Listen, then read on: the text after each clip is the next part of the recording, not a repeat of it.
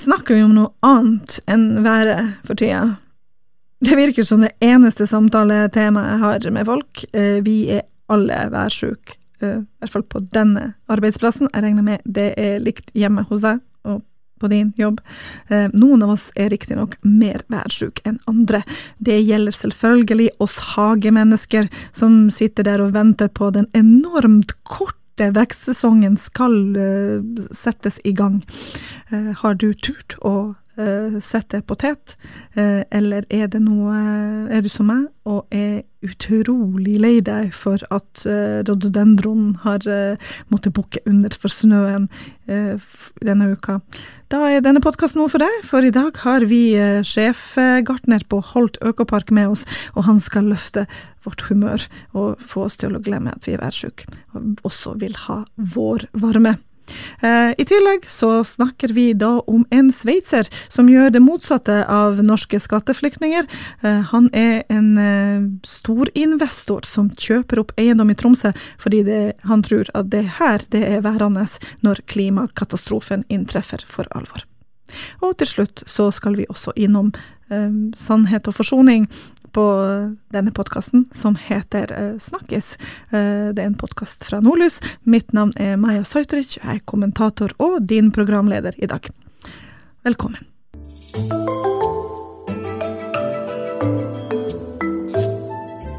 Da har hagedepresjon satt ordentlig inn hos meg. Eh, eh, årets sesong klarer aldri å komme i gang. Eh, alle blomstene mine ligger under snøen, eller har gjort det denne uka. Eh, jeg har egentlig bare lyst til å gjemme meg inn i den lille planteboden min og se på de stakkars, stakkars stusslige lille stiklingene som venter til å bli planta ut i jorda. Så for å bøte på det, har jeg jo en eh, veldig hyggelig gjest eh, med meg i dag. Jeg har jo nemlig også en liten parsell oppe på Holt Økopark, og i dag er sjefgartner i Holt Økopark her på besøk. Han heter Rune Pettersen, og han skal hjelpe oss alle hagegale til å komme litt i vater og ikke flytte fra Tromsø. Hei, Rune. Heia, heia Maja. Du, takk for uh, at jeg fikk komme hit i dag. Superhyggelig å starte dagen her. Ja, ja, hyggelig å ha, alltid hyggelig å prate med deg. Hva kan vi gjøre nå? Hva, hva, er det nå for å starte opp hagehjernene våre? Ja. Vi som har gjemt oss og lukka øynene for været. Jeg tenker jo, Nå er jo alt av bøker lest, alt av YouTube-kanaler jeg har sett på, og blader og magasiner er utslitt, og folk er vel så klar for å komme ut. Og begynne å jobbe, og jeg tenker jo bare at vi krysser fingrene for at uh, sommeren kommer, om ikke denne dagen, men i løpet av helga. Og det er jo bare å stå i det. Så det er jo type Det er ikke lenge igjen, og det blir jo en uh, kort, men intensiv sesong, skulle jeg tro. Ja, Mhm. Det er jo ikke uvanlig for oss i Nord-Norge egentlig at vi har korte vekstsesonger. Vi har kort vekstsesong og korttidsminne, for vi glemmer jo at det var det samme i fjor. Men hva, hva, hva skal jeg gjøre nå? Nå skal jeg uh, ut i min hage og bare kjenne på jorda, og det vet jeg gjør meg glad. Ja. Bare å ha jorda under fingrene. Men eh, hva, hva er det faktisk jeg kan gjøre? Du, nå er det jo før man setter i gang. Det er jo ganske øh, bløtt og fuktig rundt omkring, så det er jo en fin tid for å orientere seg på hva har du i hagen. Se over bed. Har du, ser det ut som det er mye rotegress som kommer opp? Har du mye greiner som er knekt på busker og kratt etter vinteren? Puss. Øh, Forbered, planlegg, tenk, vær kreativ og se for deg hva du kan gjøre. Mm. En potet kan jeg ikke sette helt ennå. Nei, dessverre. Så poteten går i jorda mellom 8 og 12 grader i jordvarmen, og vi er ikke riktig der enda. Og den liker heller ikke å bade. Den liker det litt sånn, Nei, for den blir råtten og fæl. dessverre. Dessverre. Uh, men nå har vi jo sett at jo- folk er jo blitt veldig opptatt av selvforsyning. Også i pandemien har jo blitt veldig stø mye større interesse med å uh, dyrke både blomster, men også ikke minst mat. Ikke minst. Uh, og det er jo det eh, vi gjør oppe på Holt, eller dere utgangspunktet, men vi persilanter gjør oppe på Holt. Vi dyrker for det meste mat. Eh, og noen spiselige blomster. Ja, må jeg ha litt blomster, da. ja da, nei, blomster må man ha. Det er mye, mye der. Men det er jo type det å se at uh, den klassikeren som man tenker at her er det potet og type løk som man kan dyrke, det er du kan dyrke alt. Du kan dyrke grønnkål, spisskål, hodekåler. Ja, neper, rødbeter. Jeg har øh, store felt med asparges ute på Vognes som vi holder på å jobbe litt med. Det er så mye gøy man egentlig kan få til. Det Må er ikke ha det mørkt på kveld? Nei. Nei? Nei. Den eh, liker midnattssol. Den liker sol, den det. og den liker også karrig jord, og den liker også salt. Å, herregud. Man, så du mener at man bør eksperimentere litt mer? Vær åpen, vær kreativ, det er kjempeartig. Og går det feil, så kjør på, prøv på noe annet. Det. Det er jo det som er. Altså, vi har jo så kort sesong, så vi vil jo at det skal være vellykka. Hva Ja. er det som er liksom eh, 80% sjanse for at du får til, uansett av grønnsaker i din hage? Ja, du, nei, du har jo allerede vært inne på poteten. Den er jo en super uh, allrounder, og også en fin uh, entreprenør hvis du skal gjøre noe nytt, enten i hage eller i bed.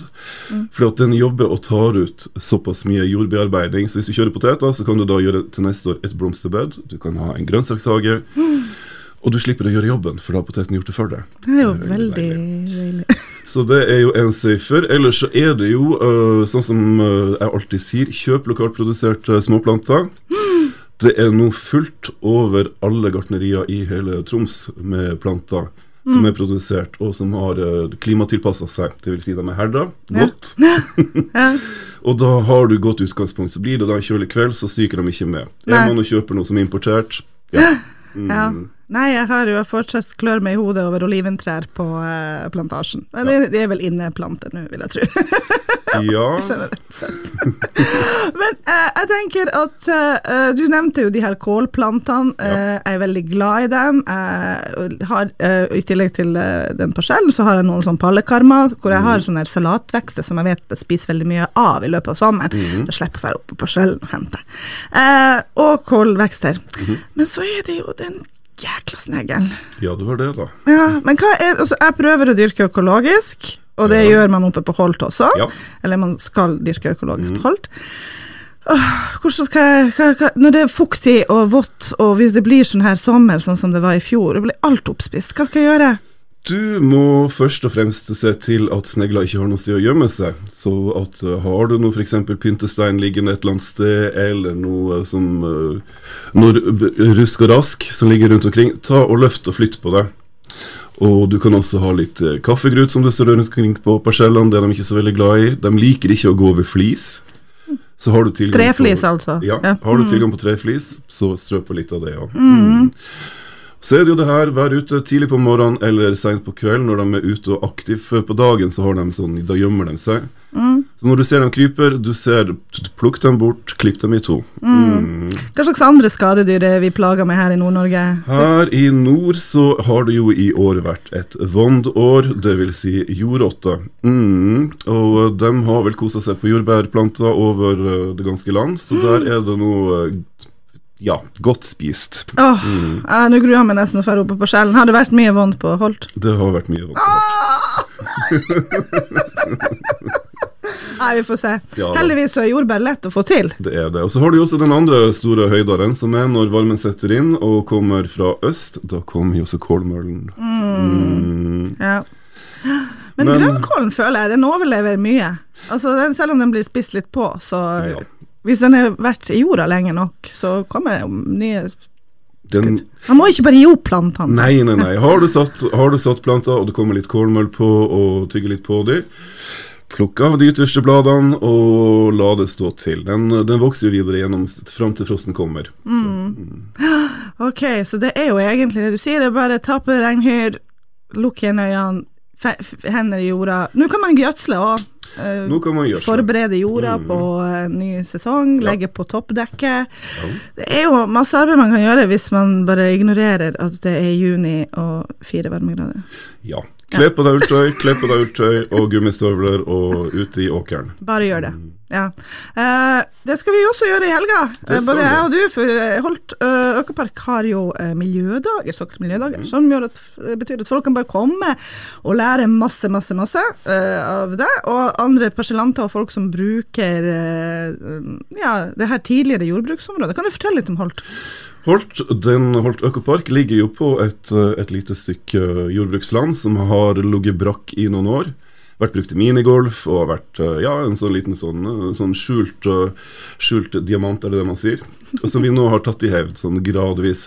Step by step, og vi dyrker det her opp med små, små ruter hvor eh, ja, privatpersoner, barneskoler, det er foreninger, det er mange som er innom og får lov til å være med og dyrke. Så, og der kjører vi også workshops hver onsdag. Det er bare å komme innom. Det er bare å stille opp, så får dere være med på ukas to do. Og det vi gjør nå i helga, det er vi kjører jo da miljødager og har fokus på jordhelse. Fordi det vi ser nå, det er jo det at jord er, en, det er jo ikke en, en evigvarende ressurs. Så det er jo det her med at du ser på hva er det som er nedi jorda, hva som skjuler seg der. Hvem er vennene våre, hvem er det vi ikke liker så veldig godt. Og det er jo alt fra meitemark til øh, ja, mikroorganismer til øh, ja, planter i seg sjøl. Du har samarbeid med sopp. Det er, mye, det er veldig mye spennende. Så der kommer det, det foredrag både lørdag og søndag. Fullt program ligger ute på Facebook-sida vår til Holt Økopark. Mm, Ja, nei, og jeg er jo også uka inn til dugnad der. Ja da, du er innkalt til dugnad. Mm, Da skal jeg også snakke om jordhelse, som jeg er veldig veldig opptatt av. Eh, fordi jeg syns at det er noe vi tenker på sist når vi planter i byene. Ja. Vi tenker òg den her blomsten vil jeg ha, eller jeg vil dyrke det her grønnsaken, men så tenker man jo ikke på hva den skal være oppi. Eh, og da skal jeg snakke litt om hvordan det er å ha en byhage med komprimert tomt. eh, og veldig mye å jobbe med. Ja. Eh, ikke fordi jeg er ekspert, men fordi jeg kan prate. Og det, og det, ja. Og det gleder vi oss stort til. Det blir veldig gøy, og jeg håper folk eh, kommer uansett vær. For det er eh, en egen atmosfære oppe på Holt, og så er det en av de få byrommene i byen som er åpen for folk å delta og bidra og endre på sjøl. Og det syns jeg er jo en mangelvare i Tromsø. eh, Og driftes veldig godt av det, Rune, da. Ja, det er godt å høre. Det det. Ja da. Nei, men takk for at jeg fikk komme. Og så får vi bare dyrke i vei, Vi får dyrke i vei. Og smile litt på. til hverandre.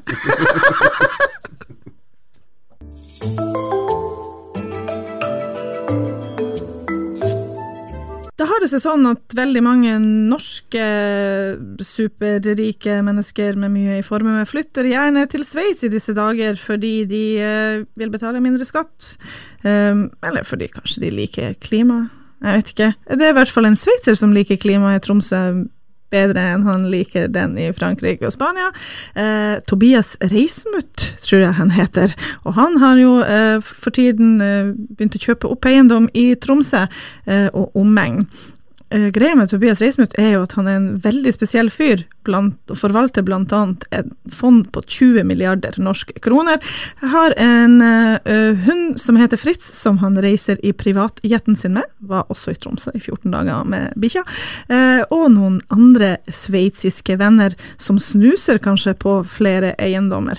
Det er ikke alltid eiendomsoverdragelser er så spennende som denne gangen Rune Endresen, redaktør i næringslivsdelen i Nordlys, som heter Nord24. Da. Hvorfor er denne eiendomsoverdragelsen så interessant? Den var jo først og fremst interessant fordi at det var et utenlandsk selskap. Når det står AG, så er det Sveits, og det har jo en lang historikk med sveitsere. De jo, tenker jo litt annerledes om oss rundt eh, formue, og når det kommer sveitsere til Tromsø og kikker på vår lille plass eh, rett under isflaket, så blir vi litt nysgjerrig, rett og slett. Og han er jo ikke hvilken som helst eh, person, han er en TV-personlighet i hjemlandet, har en veldig aktiv YouTube-kanal og er aktiv tilstedeværelse på sosiale medier, hvor han blant annet øh, sier at uh, driver på med sånn klimainvesteringer. Ifølge han er jo Tromsø stedet å være når klimakatastrofen slår til. Ja, han har jo vært her oppe nå i 14 dager faktisk, og sett på hva vi har å tilby. Han var ikke, han var ikke like heldig med været da, men det er kanskje akkurat derfor han kommer hit. Det regnet, har stort sett regna i 14 dager, eh, men han har kommet seg ut på tur og sett på naturen. Men først og fremst har han vært og kikka på mulige plasser å investere pengene sine i boligmarkedet. Han har jo masse også andre økonomiske interesser i eh, såkalte startups, oppstartsselskaper. Eh, han har vært og snusa på det også, og utelukker på ingen måte at han også vil investere i næringslivet i Nord-Norge. Men foreløpig så konsentrerer han seg om boligmarkedet. Og det er litt det her at vi får klimaflyktninger fra Sveits, mens de får våre skatteflyktninger, som er litt interessant. Ja, det er jo litt morsomt, da. Men eh, en annen ting som også i tillegg til at han er eh, Kanskje Han likte jo ikke kanskje å bli kalt eksentrisk, men han er, har jo en del spesielle interesser. Han eh, har planer om å leve til han er 120 år, og han investerer i kryptovaluta og eh, blockchain og hele den der delen av økonomien som ikke så veldig mange andre eh, Nei, forstår seg på. er Interessert i alt det nye. AI, kunstig intelligens, eh, klima og hva det betyr for energiomveltning og, og altså, altså pengedelen av det. Hva er, blir det nye som, som styrer verden om noen år fremover? Så han er jo eh, sånn sett en veldig spennende eh, fyr. Mm.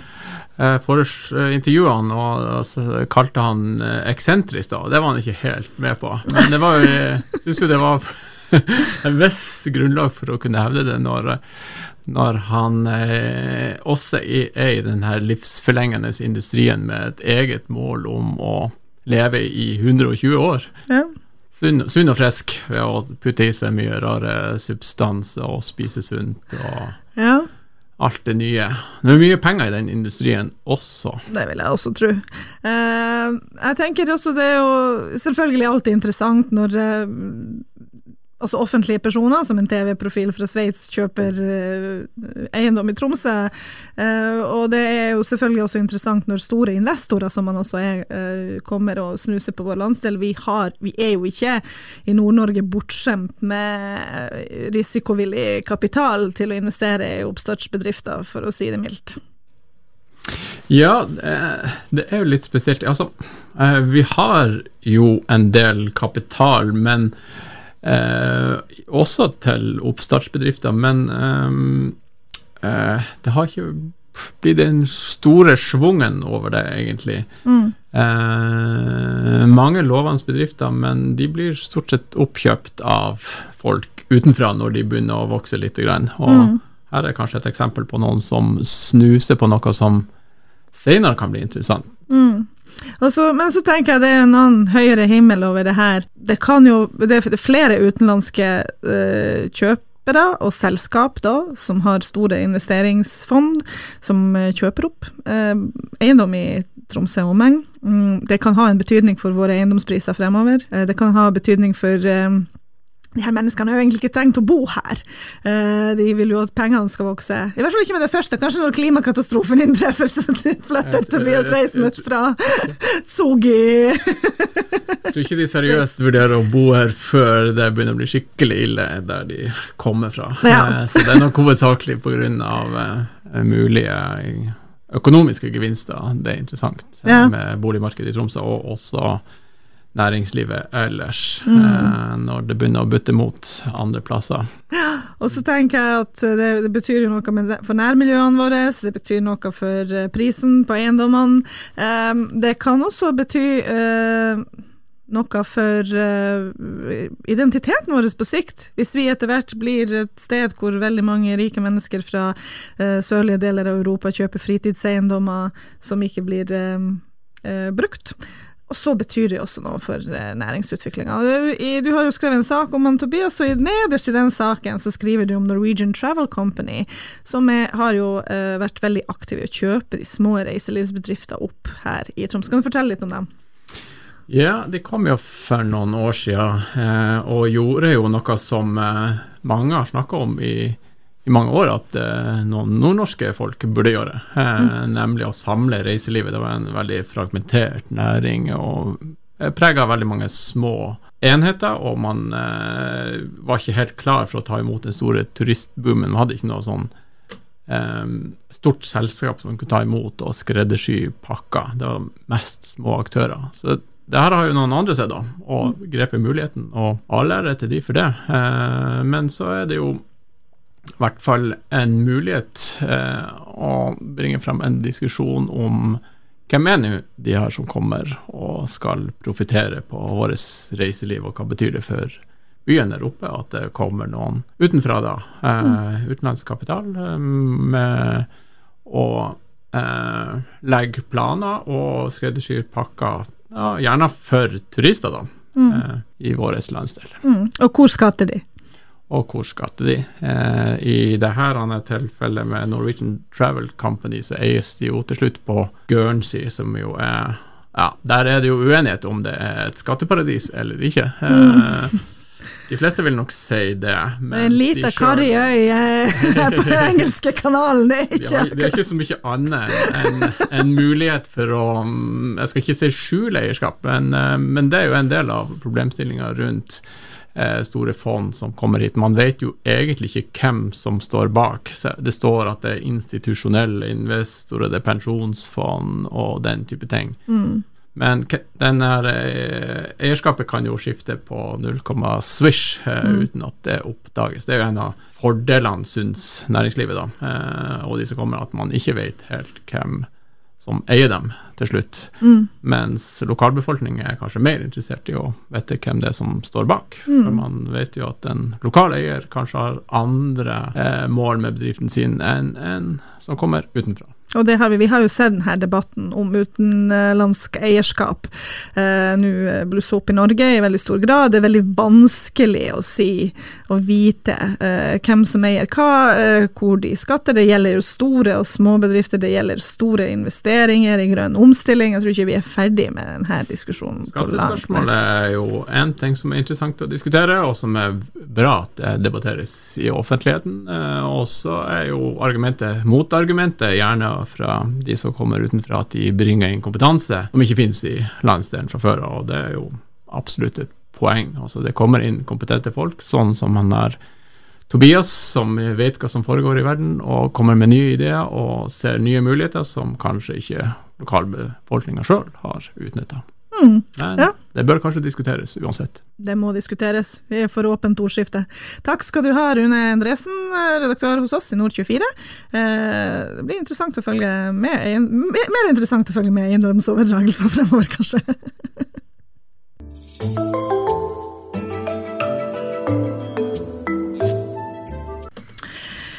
Etter fem lange år med arbeid og innsamling av informasjon, og ikke minst eh, ganske sterke personlige historier, har da Sannhets- og forsoningskommisjonen, ledet av eh, Dagfinn Høybråten, kommet med sin rapport um, denne uka. Mens vi spiller det her inn, så det, leses hele rapporten i sin helhet uh, fra Nationaltheatrets uh, scene. Uh, rapporten er på over 700 sider og inneholder både historisk gjennomgang av fornorskningspolitikken, eh, men også en del eh, analyser av fornorskningsprosesser som eh, pågår fremdeles i samfunnet. Jeg har ment en Jeg har skrevet en kommentar om denne rapporten som kan leses på Nordnorsk debatt, men vi har jo diskutert både kommisjonen og rapporten i Nordlys lenge, og derfor har jeg med meg politisk redaktør Skjalg Fjellheim, som også har veldig godt kjennskap til sakskomplekset. Hei, Skjalg. Hei, hei.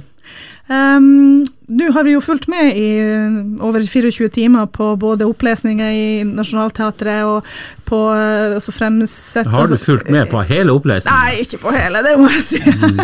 Men jeg har jo hørt uh, en og annen uh, historie og uh, har hørt litt her og der. Men jeg har også lest litt av rapporten. Er selvfølgelig ikke lest alle 700 sider.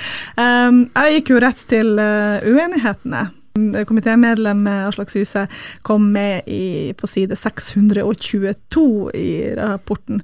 Eh, den kan vi jo gjerne komme tilbake til, men først så vil jeg spørre deg om hvor stor oppmerksomhet tror du denne rapporten kommer til å få utenfor de områdene som allerede har god kjennskap til fornorskningsprosessene i Norge? Ja, så Den eh, store oppmerksomheten som vi har sett i går, og delvis i dag, gjennom høytlesninga på nasjonalteatret, den kommer jo ikke til å vedvare. Eh, det har vært noen kommentarartikler, i tillegg til eh, nyhetsdekninga i går, fra, altså kommentarartikler i de store Oslo-avisene. Men så tror jeg at dette kommer til å, til å dø hen nokså raskt. Men det som er mye mer interessant, er hva blir de politiske implikasjonene og langsiktige virkningene av denne rapporten. Mm. Og jeg har jo da eh, tatt tak i denne uh, uenigheten som uh, Aslak Syse kom med i særuttalelsen, hvor han bl.a. skriver at det er uh, ikke gjort godt nok skille mellom fornorskningspolitikk, som nå er det ingen partier som står for, og fornorskningsprosesser som er andre prosesser som fører til fornorskning, men som ikke har fornorskning som mål. da. og jeg har jo da argumentert at det vil bli vanskelig å føre politikk hvis man ikke har denne begrepsavklaringa eh, tydelig nok i denne rapporten. For ingen partier vil jo bli beskyldt for å drive på med fornorskning i dag.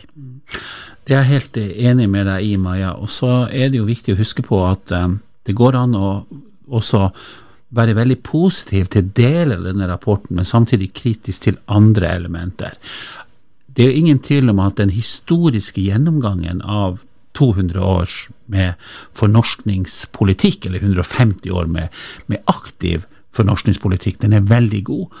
Og man får gjennom disse personlige historiene et veldig godt innblikk i hvordan dette har virket på enkeltmennesker, familier, lokalsamfunn og etniske grupper som sådan. Eh, men så er det jo da å sette alt dette inn i den aktuelle politiske konteksten. ikke sant?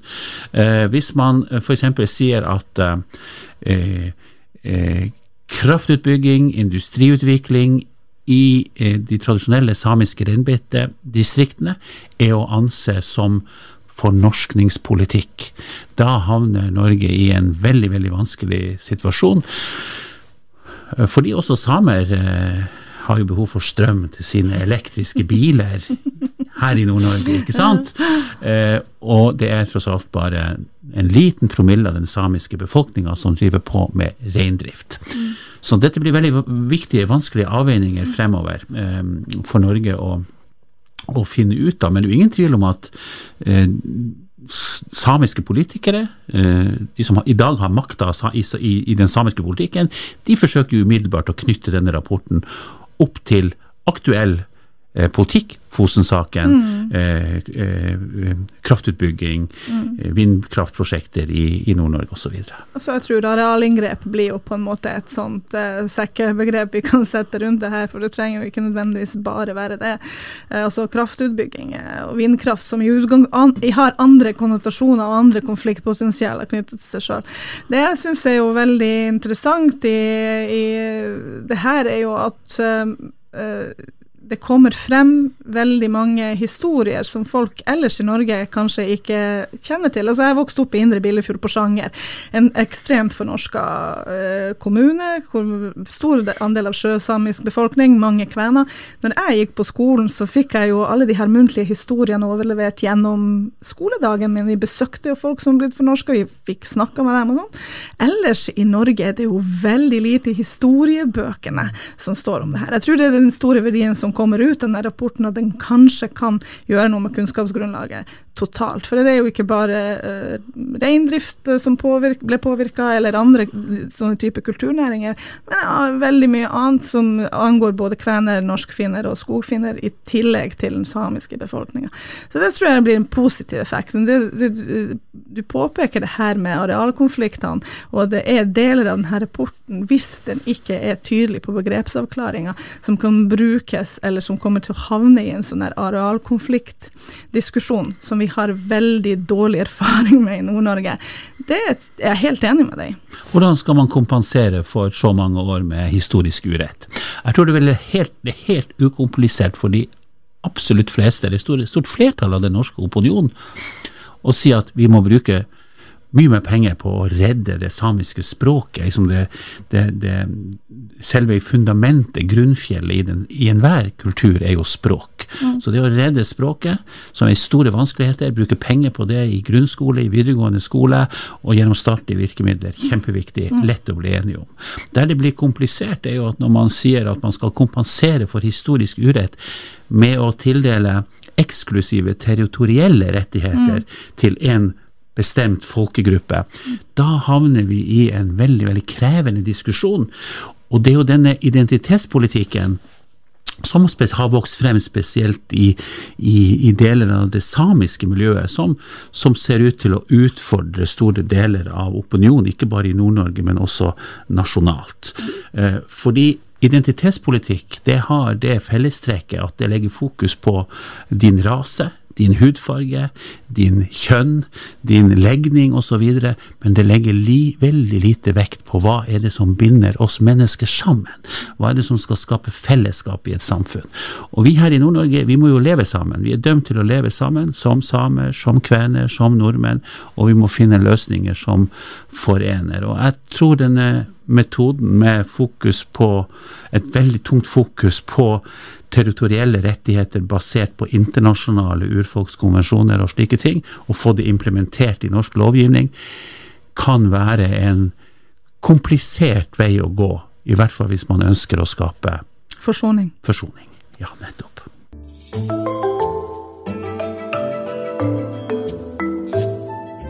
Og det var vår åttende episode i første sesongen av Snakkes. Eh, det har vært eh, veldig gøy så langt, og det skal fortsette å være det frem mot sommerferien. Eh, vi høres neste uke. eh, Da vi skal snakke om andre nye saker. Er det noe du sjøl syns høres spennende ut, og kunne godt tenkt deg at vi tok opp i denne podkasten, skal du bare finne meg på nettsiden til Nordlys og sende meg en e-post. Ha det bra. Har du et enkeltpersonforetak eller en liten bedrift? Da er du sikkert lei av å høre meg snakke om hvor enkelt det er med kvitteringer og bilag i fiken, så vi eh, gir oss her, vi. Fordi vi liker enkelt. Fiken superenkelt regnskap.